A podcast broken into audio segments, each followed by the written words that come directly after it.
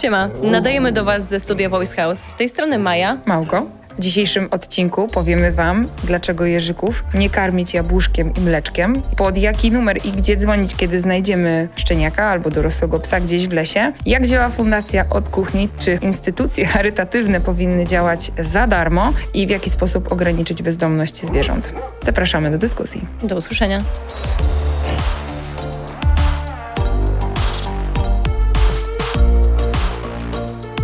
Słuchasz podcastu? No stres, to tylko pies. No moi drodzy, dzisiaj jest z nami też wspaniały gość, a właściwie gościnia. Tak, dzisiaj gościmy u nas Magdę, tymczasem u Magdy, która prowadzi fundację, tak? Tak, zgadza się. Dzień dobry. Cześć Magda, super, że jesteś z nami. Czym się zajmujesz na co dzień? Na co dzień pracuję w lecznicy weterynaryjnej jako technik weterynarii i prowadzę fundację dla osieroconych zwierząt różnych gatunków, ale między innymi bywają u mnie właśnie szczenięte i chyba o nich dzisiaj będziemy rozmawiać. Tak, tak, tak, tak. nam się wydaje, bo my się na innych zwierzątkach nie znamy. Tak. Nie ja tylko oglądam wiewiórki, jak biegają po drzewie u sąsiada. A ja u siebie ptaszki, jak chodzą mi po podwórku. To jest nasza cała wiedza na temat innych tak. zwierząt. Krówka robi mu. Dokładnie. Tak. Wiemy, wiemy.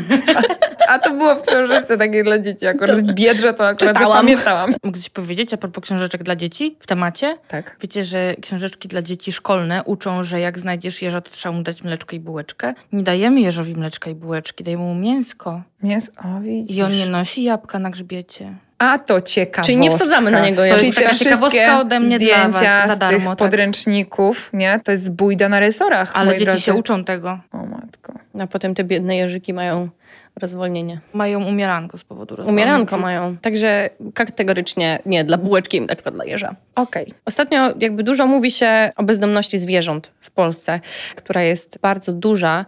Dlatego może powiesz nam, jak ograniczyć bezdomność psów w Polsce? Przede wszystkim wszystkie psy należy kastrować i sterylizować, ponieważ po pierwsze jest to zabieg, który prawdopodobnie przedłuży im życie i poprawi jego jakość, a po drugie pozwoli na to, żeby zwierzęta, które są w schroniskach, miały większą szansę na znalezienie domów, ponieważ to, że wasza sunia urodzi sobie w domku i wy odchowacie te słodkie szczeniaczki i te słodkie szczeniaczki na pewno znajdą domy, nie oznacza, że nie robicie w ten sposób takiej krzywdy efektem domina. Dlatego że w ten sposób w cudzysłowie likwiduje się miejsce dla szczeniaka ze schroniska, a dodatkowo na przykład, nie wiem, któryś z tych szczeniaków w przyszłości może też nie zostać wykastrowany, wysterylizowany i gdzieś tam ten gen bezdomności pójdzie dalej. Więc to jest pierwsza i najważniejsza zasada. Druga sprawa, nadal troszeczkę kontrowersyjna, szczególnie w Polsce, gdzie te klimaty klauzuli sumienia niestety dotyczą też lekarzy weterynarii i ludzie też mają te poglądy takie podzielone z różnych powodów, często takich być może religijnych, światopoglądowych, ciężko powiedzieć. Kastracja aborcyjna. Kiedy nasza suka zajdzie w niechcianą ciążę, ponieważ na przykład nie zdążyliśmy jej wysterylizować po pierwszej cieczce, to można wykonać zabieg sterylizacji aborcyjnej, który polega na tym, że te szczenięta usypiają razem z mamą tak? i nie są świadome tego, że odchodzą tak naprawdę. One nie są jeszcze świadome swojego jestestwa, więc dla nich to nie jest żadna krzywda.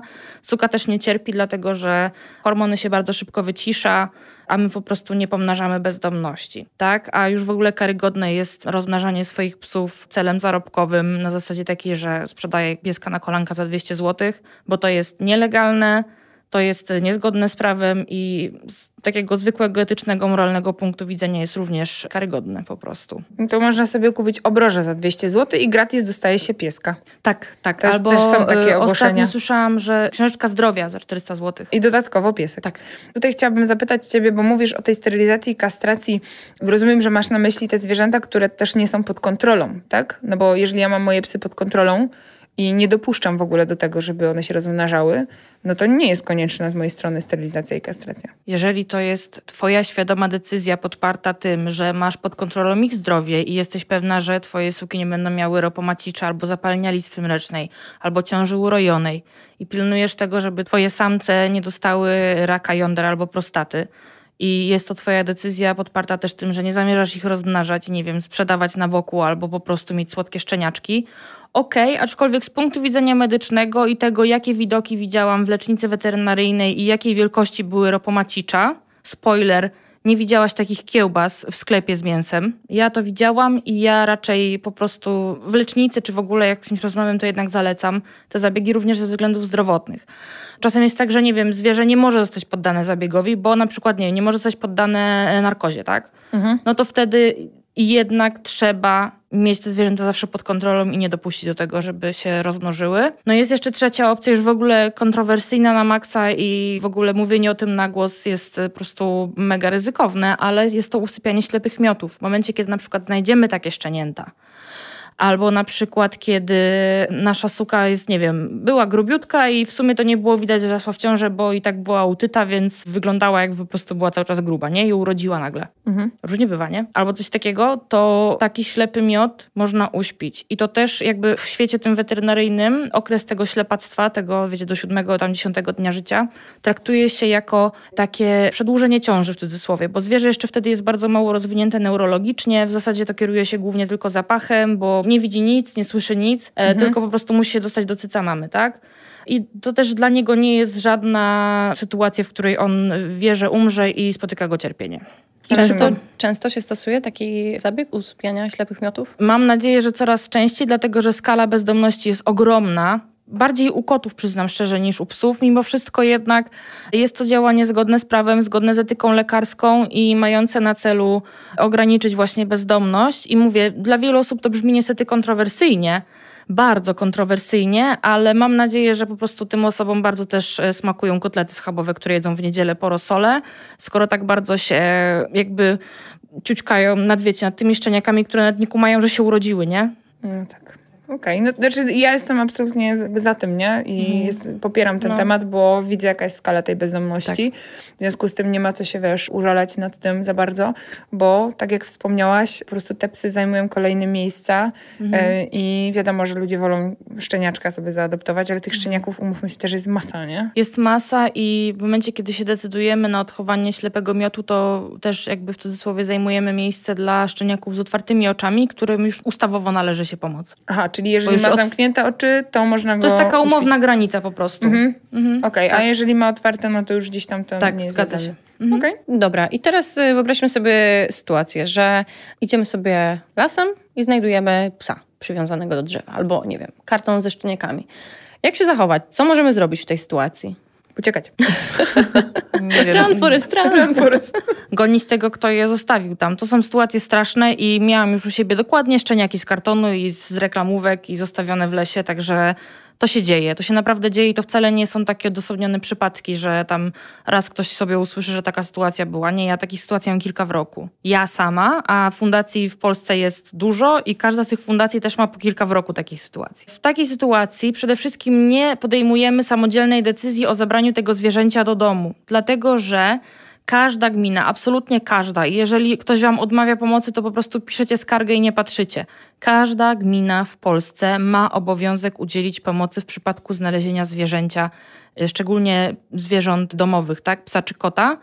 I powinna przyjechać na miejsce Straż Miejska, Ekopatrol albo ktokolwiek inny oddelegowany przez gminę i dotąd drążycie, aż po prostu nie przyjadą, a jeżeli tego nie robią, to możecie spróbować skontaktować się z najbliższym gabinetem weterynaryjnym albo właśnie fundacją.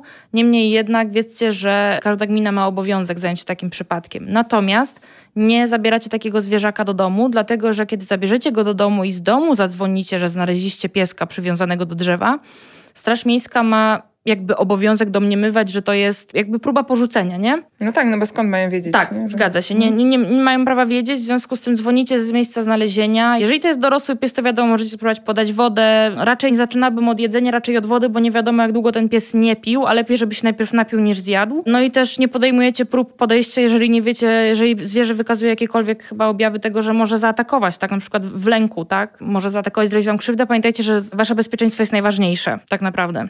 Natomiast jeżeli chodzi o szczeniaki, najpierw oceniamy, czy nie są wychłodzone, bo teraz jest lato, więc jakby to jest ciężko w domyśle uznać, że będą, prawda? Ale jeżeli mówimy o jesieni albo zimie, to w pierwszej kolejności, jeżeli są wychłodzone, absolutnie nie podajemy nic do jedzenia czy do picia, tylko je ogrzewamy. I nawet do momentu przyjazdu tej straży miejskiej możemy je sobie po prostu wsadzić pod bluzę, dosłownie do skóry przytulić, żeby je ogrzać. Bo to zwiększy ich szanse na przeżycie. W innym przypadku próby nakarmienia mogą być nawet śmiertelne, dlatego że metabolizm po prostu pomału się wyłącza, jeżeli są wychłodzone. Czyli to bardzo ważna Tak. rzecz. No, tutaj, Zaczynamy tutaj od- tak. trzeba to zaznaczyć mocno. Tutaj wykrzykniczek. Tak, wykrzykniczek. Miało być zabawnie, ja cały czas takie poważne sprawy poruszam. Dobrze, to to ja, powiedz ja wam powiem zabawnego coś. Jeszcze chciałam zapytać, żeby Madzia nam powiedziała, jak się karmi szczeniaki. Tylko Przejdziemy do tego, to zostawimy na deser. Nie, no zaczęłyśmy od takich mocnych spraw i ja wiem, że może później przy odchowywaniu szczeniaków trochę, sobie pożartujemy, ale prawda jest taka, że te realia bezdomności są dosyć ponure, ale już samo odchowywanie szczeniaków to fan. To teraz tak, możemy też zapobiegać temu, żeby nasz psiak uciekł. Więc jak możemy zabezpieczyć naszego psa przed ucieczką? Jeżeli chodzi o zabezpieczenie przed ucieczką, inaczej, przed zgubieniem po ucieczce tak naprawdę, no bo uciec może z każdych warunków, może się zerwać ze smyczy, zdjąć obroże, może przeskoczyć przez płot, cokolwiek, ale jeżeli chcemy mieć jakiekolwiek szanse na to, żeby się kiedykolwiek znalazł, to najważniejsze na świecie jest chyba chip, ale zarejestrowany chip, bo samo zaczipowanie nie wystarczy. Trzeba pamiętać, żeby ten chip wpisać do bazy, od razu przypilnować, żeby w gabinecie weterynaryjnym lekarz weterynarii wpisał chip do bazy. I tak przy okazji warto też zadbać o to, żeby, jeżeli chodzi o bezpieczeństwo psa takie ogólne, tak, oprócz tego, że właśnie chip, może mieć też jakąś adresatkę przy obroży, może na przykład mój pies ma wyhaftowany numer telefonu na obroży i imię. Takimi... Ja chciałam tylko zaznaczyć, że pies Magdy ma na imię Mefedron i ma numer telefonu i mieszka w Pruszkowie. Dziękuję. I to głupio wygląda, bo to wygląda jakbym ja po prostu pod tym numerem, ciebie? pod tym numerem sprzedawała mefedron. Ale jak gadamy o nim przez telefon, to mówimy o nim Mateusz. Pozdro dla kumatych. Szybkie po prostu zabezpieczenia, nie? Tak. No to wracając do zabezpieczeń. Jeżeli chodzi o takie dobro psa ogólne, to trzeba pamiętać o szczepieniu na wściekliznę raz do roku oraz o regularnym zabezpieczeniu przeciwko kleszczom. Oszczędzicie tym sposobem bardzo dużo nerwów sobie, być może też życie psu, a na pewno bardzo dużo pieniędzy. Lepiej wydać na tę tabletkę, którą się podaje raz na 3 miesiące albo raz na 5 tygodni, w zależności od tego, jaką kupicie, i mieć święty spokój. I side note, obruszki nie działają tak dobrze. No właśnie, chciałam o to zapytać Ciebie, jak już jesteśmy przy tym temacie, bo słyszałam różne opinie na temat tych obróżek i są obroże, są kropelki, są tabletki. Ja jestem raczej za tabletkami i Mhm, daję po ja prostu też. co 5 tygodni. Również. Tam jest mniejsza dawka chemii i po prostu stwierdziłam, że to będzie better i tak pogadałam z różnymi lekarzami weterynarii i raczej to polecają. Tutaj te obruszki, jakbyś mogła powiedzieć, bo Mm. dużo osób ich używa, więc może tutaj... Tak, to nie jest tak, że uważam, że one są całkowicie złe, bo można na przykład e, zastosować tabletkę i na przykład wspomóc się obruszką, ale mam wrażenie, że one przez to, że nie mają takiego bezpośredniego kontaktu ze skórą, tak, bo one jednak są w sierści, czasem ta sierść jest gęstsza, nie działają do końca dobrze i często u nas w lecznicy jest tak, że przychodzą pieski właśnie z tymi obrożami na wyjęcie kleszcza. No i mówmy się, te obroże są obleśne, nie? I mi śmierdzą. No. I co, głaszczesz nie, psa? Nie, nie są zbyt estetyczne. Tak, ja najbardziej lubię zabezpieczać moje psy tabletkami w okresie wiosna, lato, jesień, nie? A już jak jest tak trochę zimniej, to wjeżdżamy na kropelki po prostu, żeby cały czas nie faszerować go tapsami, a gdzieś tam, żeby to zabezpieczenie było, bo psy trzeba zabezpieczać cały rok, prawda? Cały rok zgadza się, bo już teraz jest tak, że i zimą te zwierzaki łapią kleszcze. To może przejdźmy do milszego tematu.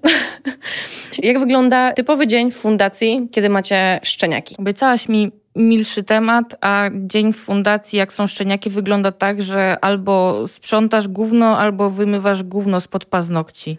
A wszyscy myśleli, że polega na tym, żeby miziać pieski, nie? No, ale w internecie, no ale w internecie jest dużo filmików, ja się je po prostu głaszczę i tuli pieska, no. Pieska. No, to to prosimy To od taka- Tak. kuchni. Jak wygląda praca fundacji od kuchni? Proszę bardzo. Dziękuję bardzo. To tyle. Kolejne pytanie.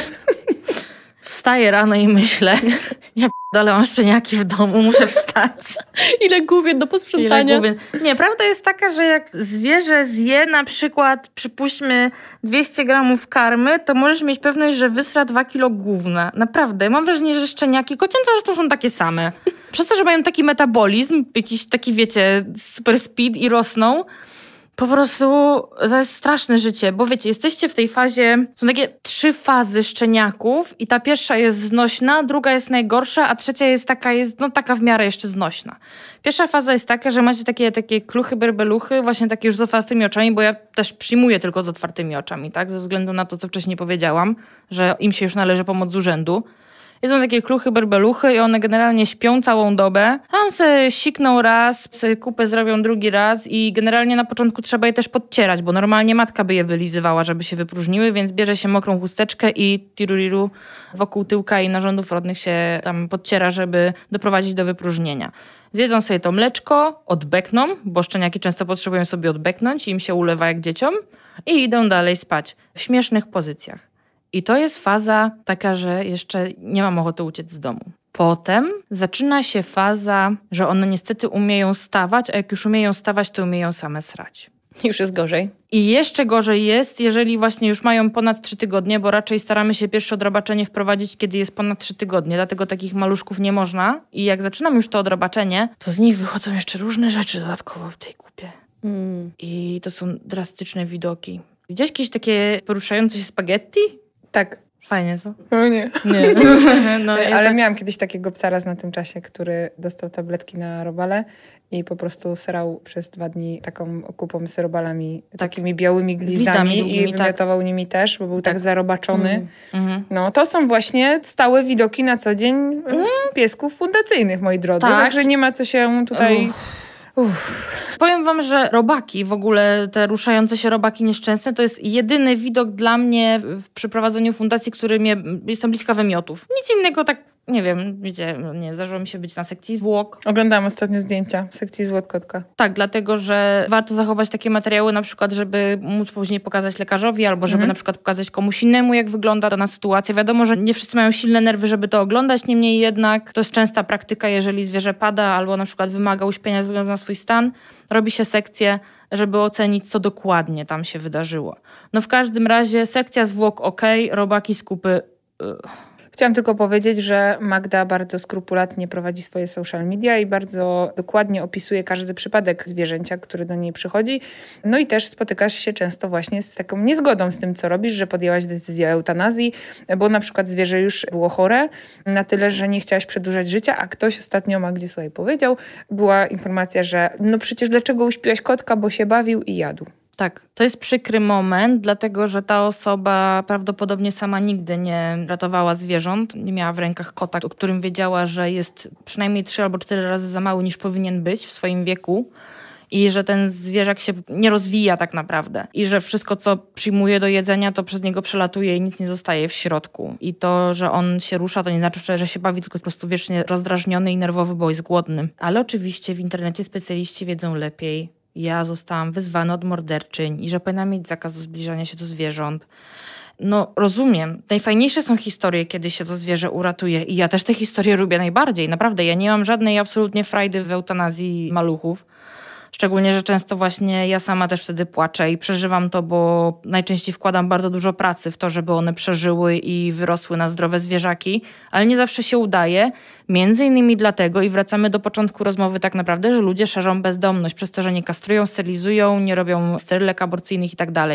I taki maluch znowu trafia gdzieś tam w las, gdzieś tam w rzekę, pod schronisko. Ma już kiepski start, bo to nie jest zwierzątko hodowlane o doskonale dobranych genach, tylko prawdopodobnie pochodzi od jakiegoś, nie wiem, niedożywionej matki, którą zapłodnił jej własny syn. Naprawdę. I stąd się biorą takie elementy, no. Okej, wróćmy do tego miłego tematu, słuchajcie. A propos trzeciej fazy szczeniaczku, bo jest ta druga faza, z której chcesz już uciec z domu. Druga faza, tak. Druga faza ma takie dobre i złe strony, bo dobra strona jest taka, że te zwierzęta już umieją samodzielnie jeść, więc nie trzeba tam z tą butlą z nimi się ciućkać, bo szczeniaki strasznie długo jedzą. Po prostu mają jakąś taką niesamowitą przyjemność z tym siedzeniem w- tej butli, tak? No, ja I- się nie dziwię, ja byłam w poprzednim wcieleniu szczeniaczkiem, bo ja też lubię dużo jeść i długo. Natomiast ta faza późniejsza to właśnie, że już umieją jeść samodzielnie. Tam no, pięć razy się wybrudzą, ale już jakieś próby są z dnia na dzień jest coraz lepiej. Ta druga faza w ogóle bardzo szybko, strasznie szybko rosną i się rozwijają. Wypróżniają się samodzielnie, ale jeszcze wtedy wypróżniają się samodzielnie tam, gdzie stoją. I wtedy jest dużo sprzątania i one wtedy często się robią właśnie takie krzykliwe i płaczliwe i krzyczą i marudzą, dlatego że no nie ma z nimi mamy na stałe, która by się no 24 na 7 nimi zajmowała. Tak ja nie mogę siedzieć w końcu z psami przez 24 godziny i się z nimi bawić, tak? Dlaczego? Przecież masz fundację. Powinnaś to robić. Powinnaś z nimi siedzieć. Nie spać, nie jeść, Powinnaś nie spać, nie jeść i powinnaś robić to za darmo No to jeszcze, Magda, mam chciałam ten zaznaczyć. zakaz zbliżania się do zwierząt, czy nie? Amen. Bo już nie rozumiem. Powinnaś robić to za darmo, bo masz fundację, tak? Pamiętaj. No. Są tacy Tak jest. ludzie, którzy uważają, że zwierzętom się pomaga za darmo i że ludzie z Powiem wam co. fundacji... Wie, nie, słuchajcie, wiecie co ja ostatnio wymyśliłam? Bo rozkminiałam na ten temat właśnie, że jak ludziom uświadomić, że praca w fundacji to jest prawdziwa praca. Mhm. I posłuchajcie mnie taką rzecz. Bo na czym polega jakby finansowanie fundacji? Ty płacisz komuś dobrowolny datek, tak, za to, żeby ta osoba miała uzbieraną jakąś tam pulę pieniędzy, żeby za te pieniądze mogła wykonywać rzecz, którą ty obserwujesz w internecie. Mhm. To była definicja OnlyFans. Jezu, to jest ta aplikacja. You know what I mean? I know. Jest, Rozumiesz? I jem- nikt się nie przypie... Dlaczego ty za darmo nie pokazujesz dupy w internecie? Przepraszam bardzo. To jest twoja pasja. To zgodzę. No to- Ale no, no tak. przepraszam bardzo. No, No. chyba lepiej tego nie mogłam wymyślić. No. No ale jest 100% prawda. Wydaje mi się, że wprowadzenie fundacji to jest ciężki orzech do zgryzienia. Wiecie, ta konkretna pretensja, którą ja dostaję, albo m- mogę zacząć dostawać, tak? Jak ktoś się dowie, że nie wiem, opłacam z pieniędzy fundacyjnych rachunki domowe, albo kupuję sobie jedzenie, bo cały czas siedzę po prostu cały dzień i karmię zwierzęta, albo biegam do weterynarza. Ta sama pretensja już nie dotyczy tego samego modelu, czyli ktoś daje mi pieniądze za to, co, co widzi w internecie po tym, co ja robię. Jakby, What the fuck? no, No, ja, nie, ja chciałam powiedzieć, że świat nie jest sprawiedliwy, tak? I to się po prostu będzie działo i będziemy musieli z tym walczyć, bo też... A i tak dostaję Bo wiesz, jaka jest, niż na wiesz, jakie jest przeświadczenie trochę u ludzi. Jak pomagasz, to musisz być biedny trochę. Wiesz, o co Biedny. chodzi? Bo to wychodzi się niestety trochę z kościoła katolickiego, że my jesteśmy po prostu, wiesz, Tylko że z dobrego- skromność, że z tak, dobrego wiesz, serca Z dobrego wszystko. serca wszystko i tak dalej. No Wiesz halo, jak ty wiem, poświęcasz... z kościoła, czy po prostu z polskiego mentalu. A, no sorry, to jest, my jesteśmy państwem katolickim, więc to jest wszystko połączone. Natomiast chodzi o to, że jeżeli 10 godzin dziennie spędzasz ze zwierzętami w fundacji, tak, to Jak, sorry... jest to, jak to jest 10 godzin, to jeszcze mam potem chwilę dla siebie, kochanieńka. Właśnie. I teraz chodzi o to, że jeżeli ty się tym zajmujesz, Mhm. a musisz jeszcze pracować dodatkowo, no sorry, ale w pewnym momencie nie będziesz miała na coś czasu i będziesz chodzić sfrustrowana, bo z jednej strony chcesz pomagać zwierzętom, Tak. a z drugiej strony masz ograniczoną możliwość, dlatego że ktoś ci powie na przykład, że nie powinnaś, wiesz, zarabiać na tym, że pracujesz w fundacji. Przecież normalnie możesz być w fundacji zatrudniona. Fundacje zatrudniają ludzi. Normalnie i tam się dostaje za to pieniądze, że Tak. się obsługuje fundację. Fundacja od firmy różni się tym, że na fundację wpłacają ci ludzie datki. A Tak. w firmie sprzedajesz usługi. Moja fundacja pracuje tak, że my zbieramy pieniądze dając content. Mhm. I robimy albo treningi online dla ludzi, albo wydarzenia online. Poświęcamy na to czas i ludzie wpłacają nam cegiełki. Praktycznie nie robię zbiórek w Mhm. żaden sposób. Nie potrzebuję tego jakoś super. Mamy na utrzymanie zwierząt na tę ilość, którą mamy, Mhm. jest ok. Natomiast w momencie, w którym chcemy ją rozwijać, mamy na przykład teraz y, będziemy budować Patronite'a. Ty też chyba korzystasz z Tak. Patronite'a, że można u ciebie korzystać też. Jak to u ciebie wygląda? Też w sumie rzadko kiedy odpalam takie zbiórki konkretne, dedykowane na konkretny cel. Ostatnio musiałam, dlatego że musiałam przez y, chorobę jednego kota wymienić bardzo dużo sprzętów i też usłyszałam, że to jest marnotrawstwo, tak? Ja mówię, no to zapraszam i wytłumacz to kolejnemu kotu, który mi padnie, dlatego że złapał tę samą chorobę, nie? Mhm. Więc musiałam założyć taką zbiórkę, żeby się wesprzeć, ale generalnie raczej staram się, żeby zachętą do wpłat było otrzymywanie czegoś w zamian. I oprócz tego, że to są codzienne perypetie moich zwierzaków i tego, co, co mówisz, że ja dokładnie opisuję każdy case, staram się przekazywać wiedzę, tak gdzieś przemycać między tym, to jeszcze oprócz tego prowadzę szkolenia na temat opieki pielęgnacyjnej i bytowej osesków, także dla lekarzy weterynarii, ponieważ ten temat jest bardzo wąski na studiach. Oprócz tego też prowadzę szkolenia na temat tego, jak zostać domem tymczasowym, wspieram ludzi poradami. Najzwyczajniej w świecie po prostu można do mnie napisać i ja wtedy coś tam odpowiem zawsze, tak? Konkretnie. Teraz będę miała akcję wysyłania pocztówek z wakacji. W ogóle mam dla ciebie zestaw pocztówek. Bardzo się cieszę, dziękuję. Są, Kocham pocztówki. y, Pozdrowionka od Mefedronka, kwiatuszki od Malajuszki i smacznej kawusi od Tadelusi. O mój Boże. To jest dokładnie ten target, który uderzam. Moja babcia mi takie zawsze wysyła na No Whatsappie. ja teraz- Jeszcze tam jest taka muzyczka. O matko, Tak, te uwielbiam. slajdy, nie? Jak się tak, przewijają. Się No to slajdy przewijają. Nie mam, no. nie mam takiej muzyczki, ale mogę zaśpiewać zawsze. Dobrze, bardzo stef. proszę. Przede wszystkim, jeżeli ktoś z Was chciałby zobaczyć działania Magdy, no to na social mediach możecie znaleźć profile Magdy, tymczasem u Magdy. Ja na przykład tego się nauczyłam od Ciebie, żeby pokazywać właśnie więcej pracy tej, co się dzieje na co dzień. Tak, real Dlatego, job, że a nie real job, tylko takie zapozowane, wiecie, Tak, takie wymuskane momenty. Oczywiście, że tak. Więc te live'y, które robisz, no to jest absolutnie, wiesz, ja też robię dla szkoły, ale Mhm. też dla fundacji teraz będziemy więcej robić, żeby pokazać rzeczywiście, jak ta praca z tymi psami fundacyjnymi wygląda, z racji tego, że chcemy być wiarygodni dla ludzi. Jest tyle po prostu, no niestety oszustów, nie? Umówmy Jest. Się, I którzy- myślę, że oni też przyczyniają się do tego, że ludzie bardzo by chcieli, żeby w fundacjach wszyscy pracowali za darmo i nie wiem, żyli o chlebie i wodzie. Ale prawda jest taka, że też pracownicy schronisk dostają normalnie wynagrodzenia, natomiast przypuśćmy, że ja czy ty, czy na przykład jacyś twoi pracownicy, mogąc poświęcić się etatowo, albo raczej trzy etatowo w moim przypadku, bo mój etat się nie kończy o 16, tylko trwa cały dzień po prostu z przerwami, jakimiś tam drzemkami chwilowymi. Dzięki temu, że ja mogę na przykład właśnie budżetem fundacyjnym zapłacić za lokum, czy tam właśnie, nie wiem, rachunki, żarcie, cokolwiek, mogę pomóc większej ilości zwierząt, bo mogę też w tym czasie na przykład moderować domy tymczasowe, pomóc innym fundacjom, mhm. stworzyć kolejne materiały informacyjne. To się tylko wydaje, że to jest po prostu głaskanie koteczków i pieseczków, tak jak powiedziałaś, a to jest żmudna robota. Czyli praca nie ogranicza się tylko i wyłącznie do opieki nad zwierzętami, ale jest bardzo duże zaplecze tego, co ty robisz. Jest bardzo duże zaplecze. Ja na przykład dzisiaj właśnie po tym, jak skończymy nagrywać, siadam i będę siedzieć przy kąpie, myślę, że tak ze 2-3 godzinki. Oczywiście wiadomo, jeszcze poranne ogarnianie ze dwie godziny, jeszcze spacery z psem, jeszcze muszę podbiec do weterynarza po leki, jeszcze wieczorne ogarnianie i to tak się no, rozkłada na cały dzień. Może brzmi bardziej atrakcyjnie niż, nie wiem, praca w korpo, tak, dla kogoś. Ale czy to powinno być mniej cenione tylko dlatego, że jest to praca z pieskami? To no powinno być w ogóle bardziej cenione, bo to jest praca 24 na 7. To nie jest tak, że idziesz na 8 godzin do pracy. Dziękuję, Dlaczego do widzenia, przykład, nie wiem, opiekunom w domu czas. dziecka się nie mówi, że powinni pracować za darmo. Z miłości wiem, do dzieci. Wie, tak, wiem, że to nie jest dziecko i pies to nie jest to samo, tak? Ale dlaczego? Przecież to jest powołanie. Powołajmy się również do trzeciej fazy szczeniaczków. To jest faza szczeniaczków, kiedy dobrą stroną jest to, że one już umieją trochę na matę robić, co nie? Mhm. A po prostu są wkurzające. Ja nagrałam kiedyś taki szaleńcze. odcinek. Szczeniak, czyli zło konieczne. Szczeniak to chyba po prostu przestaje być wkurzający, nie wiem, jak skończy półtora roku. Amen. Zgadzam no. się. Tak, tym prawda. No dobrze. A po prostu robią się już mega samodzielne, tak? Już y, powiedzmy tam jest robienie na maty, jakieś tam zainteresowanie zabawkami, trening czystości, już się zabiera pomału na pierwsze szczepienia. Oczywiście przypominam, że dopiero po komplecie szczepień i jeszcze dwutygodniowej kwarantannie możemy wychodzić z psem na spacery w inne miejsce niż własny ogródek, co do którego wiemy, że nie bywają na nim na przykład psy z nosówką, bo nie odważałabym się wziąć szczeniaka z niekompletnym zestawem szczepień na spacer do siebie na osiedle. No bo tam są ludzie nieodpowiedzialni, nie? Po prostu i nie szczepią swoich no. psów, bo to chodzi o to, żeby mieć sprawdzoną przestrzeń przede wszystkim, tak, nie? Tak, tak, tak. Jakby na przykład, nie wiem, jakbym miała ogród, czy tam kawałek woliery, taras, to oczywiście, ale jeżeli to jest po prostu zwykły trawnik na osiedlu, to absolutnie nie. Nie, to jest zasikane, to, Ale to jest duży problem u ludzi potem, tak. bo ten szczeniak przychodzi do domu, nie ma kompletu szczepień, i nie może mieć kontaktu takiego na osiedlu jeszcze z psami. No i ten socjal się psuje, nie? Więc wtedy takiego szczeniaka wsadzamy w samochód i jedziemy gdzieś w miejsce, w którym będzie można taką socjalizację no. odbyć, nie? Albo w nosidło. Tak, no, ja, ja mam akurat u mnie w regulaminie, że w szkole nie mogą do mnie przychodzić na żadne zajęcia psy, które nie mają szczepień. Kropka. Mhm. I koniec. I sprawdzamy a, a propos, to już. A propos tego właśnie socjalu, ja jeszcze mam taką swoją zasadę, to jest moja autorska zasada. Maluchy jak karaluchy tak na to mówię, i to dotyczy zarówno szczeniąt, jak i kociąt, że taki bąbel mały pierdek, to on szybko się ogarnie. On do każdej sytuacji nowej, jaką mu się da, e, się dostosuje.